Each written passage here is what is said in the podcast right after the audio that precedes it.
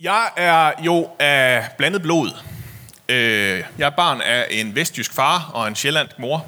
Øh, og det har jo på mange måder sådan givet mig alt det bedste fra, fra begge verdener, ikke også?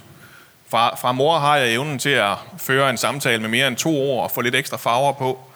Øh, og sådan lidt sjællandsk udlængsel og sådan nogle ting.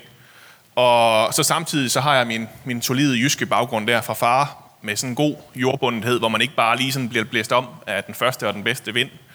Øh, og hvor man gerne lige tager lidt, lidt pis på dem, man vurderer lige trænger til det. Øh, og det er på mange måder, synes jeg, sådan en ganske optimal slægtsblanding, der sådan bare har givet mig så meget godt fra, fra flere verdener. Men der er sådan lige et problem, og det er, når det kommer til tidsforståelsen. Så kan det godt give visse udfordringer, øh, når det er en sjællandsk akademikerslægt og en jysk bondeslægt, der sådan skal, skal blandes sammen der. Øh, det var de ikke altid enige om. Og selvom vi er vokset op i Jylland, så var det altså den øh, laveste fællesnævner, der vandt der. Øh, så vi har altid været dem, som kom for sent til alting.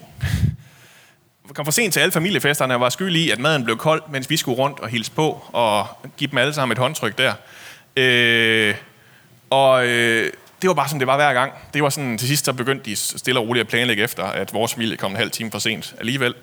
Øh, og så oven i købet, så oplevede vi det også på den anden måde, når det så var os, der holdt festerne, at øh, så, så, kunne, så kunne Team Sjælland sådan blive decideret sur, når folk de så valgte at komme sådan lige lidt for tidligt også. Øh, og så må man sådan lige prøve at skærme mor, mens hun skulle ud af badet, og øh, sådan prøve at få styr på det der. Øh, så vi var dem, som altid kom for sent til ting. Og det sidder sådan lidt i, øh, i, i blodet på mig på den måde endnu, at det skal i hvert fald ikke være mig, der gør det. Så jeg er sådan blevet ekstremt punktlig i stedet for. Øh, det synes jeg i hvert fald selv, og jeg prøver sådan at være lidt casual omkring det. Det kan godt være, at I andre I har en op, anden opfattelse af, hvordan jeg er. Øh, men, men, men jeg kan godt sådan få nærmest en lidt svedeture, hvis jeg sidder og er ved at parkere bilen, og jeg er to minutter for sent på den, og der sidder 10 mennesker og venter mig inde på det, det møde der, så kan man lave matematikken, ikke også? To gange 10, så er det 20 minutter, jeg har spildt af nogle andre menneskers tid. Stakkels mennesker, det får de aldrig tilbage vel, den her tid. Øh, så sådan er jeg egentlig i virkeligheden. Jeg skjuler det godt, men, øh, men, men, men det er faktisk sådan, at, at øh, det her traume, det sidder så dybt i mig. Jeg skal i hvert fald ikke være den, der kommer for sent til ting. Og derfor så kan jeg godt blive sådan lidt udfordret af Guds tidsforståelse, også en gang imellem. Det er lidt som om, at, at han også kører lidt sin egen forståelse af punktlighed en gang imellem. Og derfor så har jeg faktisk også spurgt med Johannes Døberen mange gange i mit liv, er du den, der kommer, eller skal vi vente en anden? Jeg synes virkelig, det rammer meget ind om mit forhold til Gud, de her, de her ord. Der er skuffelsen. For han støber, så handler det om, at han nu er endt i fængsel, selvom han skulle have været budbringer for frelseren. Og for mig så oplever jeg den her skuffelse hver gang, at jeg synes, at Gud han ikke opererer helt, som jeg havde tænkt, han skulle. Øh, når der var noget, jeg skulle have haft, jeg ikke får, eller når han ikke kommer til den tid, vi havde aftalt.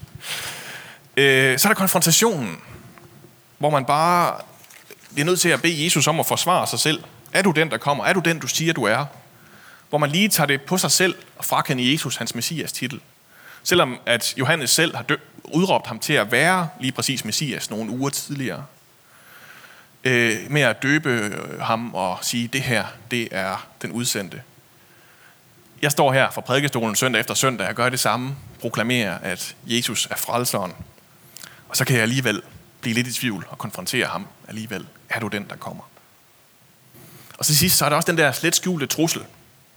Skal vi vente en anden? Er det ikke dig, eller hvad? Er det det, du siger? Er, det, er der noget, der er bedre derude til at svare på mine problemer og mine frustrationer? Mine længsler? For hvis der er, så er det jo fjollet, at jeg står her og venter på en bus, der til synligheden ikke kommer.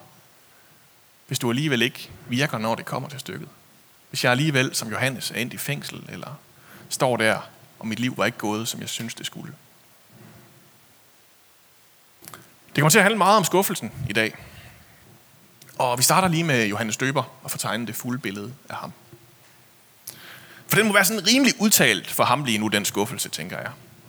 Hele hans liv, det har været fyldt af stærke profetier om præcis, hvem han var, og hvad det var, der var hans opgave. Allerede inden han var blevet født, så var der en engel, der havde udråbt om ham, at han skulle fyldes af Helligånden, bringe fryd og glæde til menneskeheden, blive stor og føre mange af Israels børn tilbage til Herren. Alt det bliver sagt af ham, øh, inden han overhovedet er blevet født.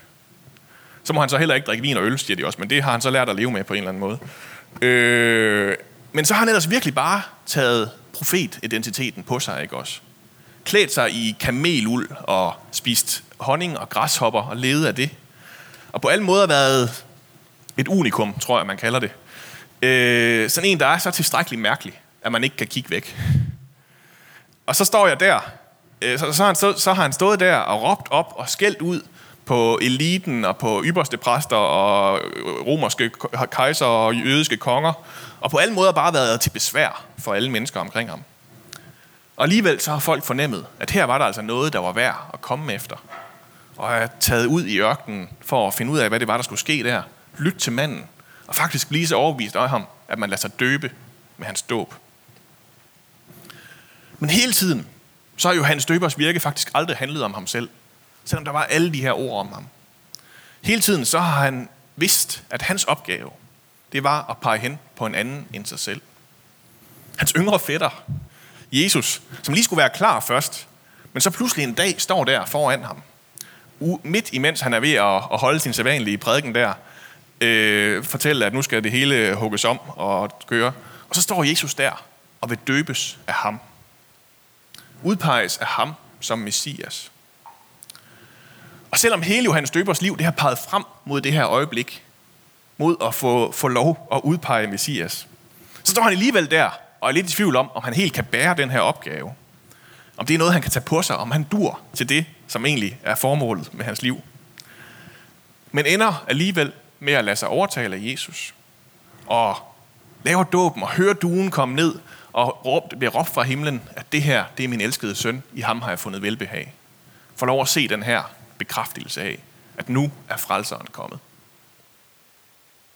Og herfra, så går Johannes liv bare ned ad bakke. En god flok af hans disciple, de vælger at sige, okay, men så følger vi med den nye, den nye. Så, så, så, så det er Jesus, vi følger efter i stedet for, hvis det er ham, der er den sejeste. Øh, så står han der, og har ikke nogen, der lytter til ham mere, ikke nogen, der står for forplejningen længere. Skarne, de begynder også stille og roligt at, at søge en anden retning. Det, det er lidt mere spændende med Jesus. Der er et nyt show in town. Øh, så det tager vi der til i stedet for. Og Johannes han står så der tilbage alene og prædiker stadig videre for de der få, der så er tilbage. Baner herrens vej derudad stadigvæk. Taler op imod magter og myndigheder og kommer også til at kalde kong Herodes ud, fordi han gerne vil øh, være sammen med sin afdøde brors kone. Øh, og Johannes siger, det er forkert. Og det er alligevel så lige det, der skal til, for at eliten får nok af ham. Så han ender med at komme i fængsel for det, og sidder nu her, ude i det her fængsel, uden at vide, om han ender med at komme ud igen, eller om han ender med at dø her. Og det bliver faktisk det sidste, men det ved han ikke endnu. Og hvis jeg sad der i fængslet, så ville jeg også være lidt i tvivl om, om jeg nu havde fået døbt den rigtige. Om det her virkelig kan være resultatet af, at ham, der skal redde verden, er kommet. Og jeg er altså med Johannes her. Specielt i de her vanvittige tider, vi lever i lige nu. Med endnu en nedlukning, endnu en omgang usikkerhed. Og undren over, hvad det egentlig er, der er ved at ske med verden. Hvor længe skal det her stå, stå på? Oven i alle de andre problemer, som verden var fyldt af i forvejen, ikke også? Mennesker omkring mig, som bare har nogle livsomstændigheder, jeg på alle måder synes, de ikke skal have. Som er så dybt forkerte, som skriger til himlen. Et Danmark og et kirkeliv og alt muligt andet, hvor det altid kommer til at handle om noget andet, end det, det egentlig skulle handle om. Det, der egentlig er vigtigt. En verden, der på mange måder brænder omkring os. Og det placerer os jo egentlig midt i adventstiden. En tid, som handler om at vente. Vente på, hvad der skal komme. Om at længes. For når vi kan blive så frustrerede over verden derude, så det er jo fordi, at vi dybt nede i vores sjæl et sted ved, at det var ikke sådan, det burde være. Vi, skal, vi var skabt til noget andet. Vi længes efter at komme tilbage til noget andet. Komme tilbage til shalom, til paradisfreden. Så dengang alting var godt, dengang alting var, som det var meningen, det skulle være. Måske afslører shalom-længslen sig nogle gange som sådan en sentimentalisme. Tingene var bedre i gamle dage. Det var de sjældent, når de kom til stykket, ikke også? Det kan godt være, at der var sne, men så var der til gengæld ikke fjernvarme. Nej, vi skal tilbage til de helt gamle dage, hvis det udtryk skal give mening. Vi skal tilbage før verden gik af lave. det er jo det, vi venter på, kommer igen her i adventstiden. For i advent, som simpelthen betyder komme, øh, ikke vente, selvom det jo trods alt lander nogenlunde det samme sted. Det er faktisk det, vi venter på. Og vi venter faktisk på hele tre kommer. Vi har den tilbageskuende komme, at Kristus han er kommet til jorden. Som vi skal fejre lige om lidt, når det bliver jul. Som var det, der skete dengang. Så er det sådan, at i, i selve adventstidens tekster, i det, der skal prædikes over, der er det egentlig mere Jesu andet komme, det handler om. At Kristus han skal komme igen og gøre alting nyt. Genoprette fred, paradisfreden. Sørge for, at der igen er shalom til alle mennesker. Og spændt ud mellem de to kommer, så er der faktisk også et tredje komme. At Kristus han kommer til os lige nu. At han ønsker at møde os midt i vores liv og vores virkelighed. Ønsker at gøre vores liv nyt og invitere os ind i en større virkelighed. Ikke bare min egen, hvor det handler om at få noget mad i munden og noget karriere i gang, og alle mulige andre sådan umiddelbare behov. Små ligegyldige ting, når det kommer til stykket. Nej, det møde, møde, som vi prøver at invitere ind i søndag efter søndag i kirken, det som vi inviterer her, det er en meget større virkelighed, som handler om at blive en del af noget meget større, øh, og være med til at bringe den her fred. Og det møde, det prøver vi at invitere ind i søndag efter søndag i kirken. Og det er også derfor, vi taler så meget om andagsliv og bøn og basisgrupper og alt muligt andet godt, der hjælper os med at få det her møde i stand. Med at opleve, at Kristus han faktisk kommer til os lige nu. Men sammen med Johannes, så kniber det faktisk tit lidt på mig med helt at mærke det her. Når man sidder i sit fængsel og kigger ud, hvad enten det så er et, man selv har bygget, eller det er et, man er blevet sat i, så kan det være svært at se, hvad det gode lige skulle være lige nu. Og der kan jeg, som jeg startede med, godt være lidt frustreret over Guds tidsforståelse. Der er jo dateringer af Kristi fødsel i Bibelen. Der er jo to af dem. Den ene, den finder vi i Lukas 2. Den kender vi godt, de fleste af os. Under Augustus' folketælling, mens Quirinius var stadholder i Syrien. Og det kan man så slå op og se. Det har sådan cirka været et sted mellem år 6 og 4 før Kristi fødsel. Øh, den anden, den fungerer lidt øh, på en anden måde. Det er Paulus, der står bag den, og det er måske derfor, det går galt. Den finder vi i Galaterbrevet 4, 4, hvor der står, Men da tidens fylde kom, så sendte Gud sin søn, født af en kvinde, født under loven, for at han skulle løskøbe dem, der var under loven, for at vi skulle få barnekår.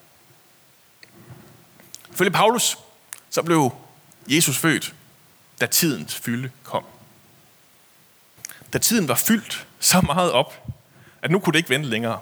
At nu var verden klar. Der kom Kristus. Den er ligesom svær at sætte uret efter, eller føre kalender over tidens fylde. Det er Gud, der ved, hvornår tiden er inde.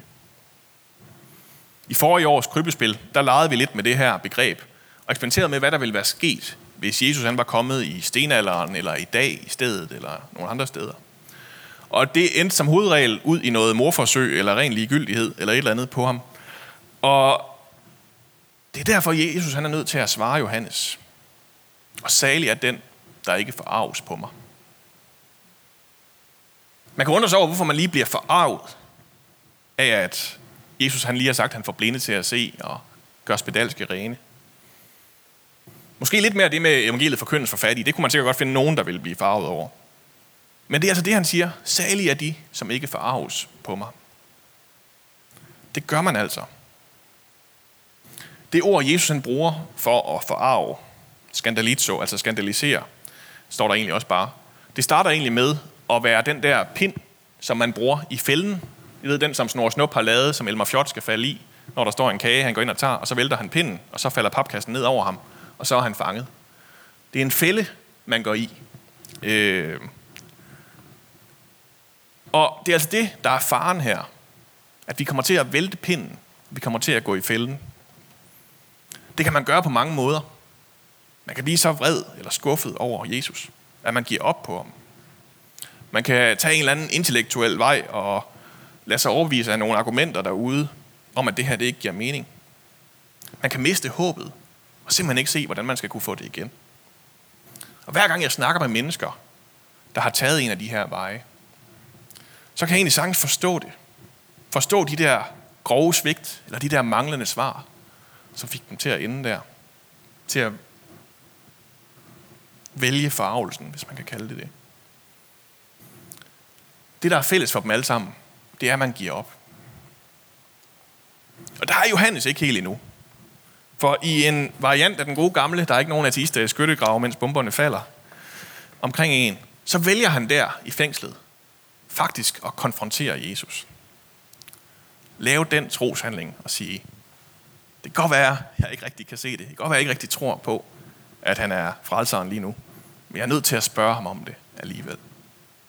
Og så spørger han, det her er virkelig sådan, altså grove svar, øh, spørgsmål, ikke også? Er du den, der kommer? Eller er det bedre, at jeg finder en anden? Og selvom det jo er en kæmpe fornærmelse, så tager Jesus faktisk imod. Så, så hviler han så meget i sit lederskab, at... Øh, nå, det er der, det går galt, ja. Sådan. Beklager. Øh, så tager Jesus faktisk imod, så hviler han så meget i sit lederskab, øh, at, at, at det ikke er et problem for ham at blive mødt af det her spørgsmål. Han kan godt holde til at få selve sin identitet betvivlet.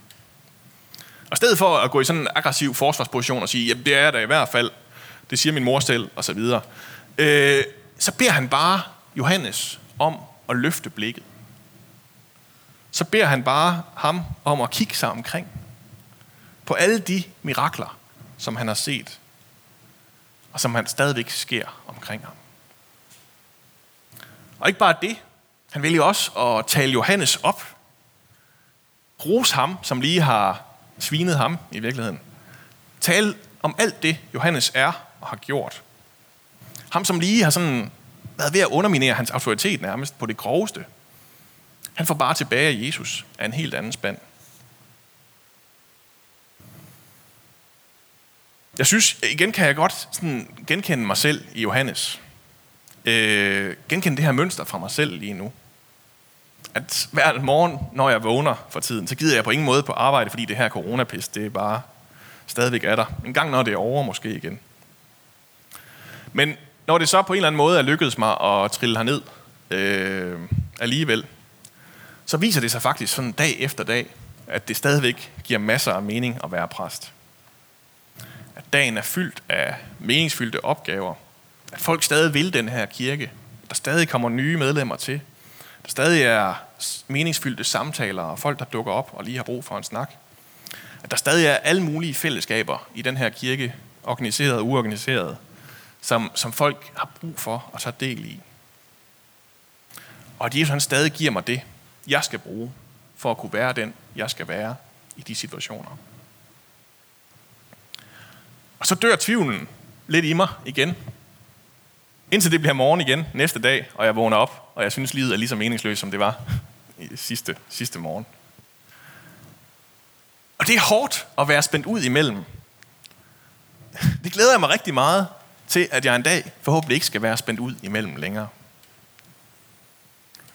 Men indtil da, så er den eneste løsning at gøre ligesom Johannes. Konfrontere Jesus.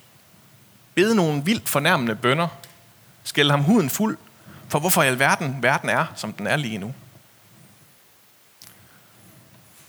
Det er det, vi kan gøre. Og den frustration, den øh, prøver Liselotte at synge om for os nu her lige om lidt med Andrew Petersons The Dark Before the Dawn. En sang, som er fyldt af den her spænding mellem smerte og længsel.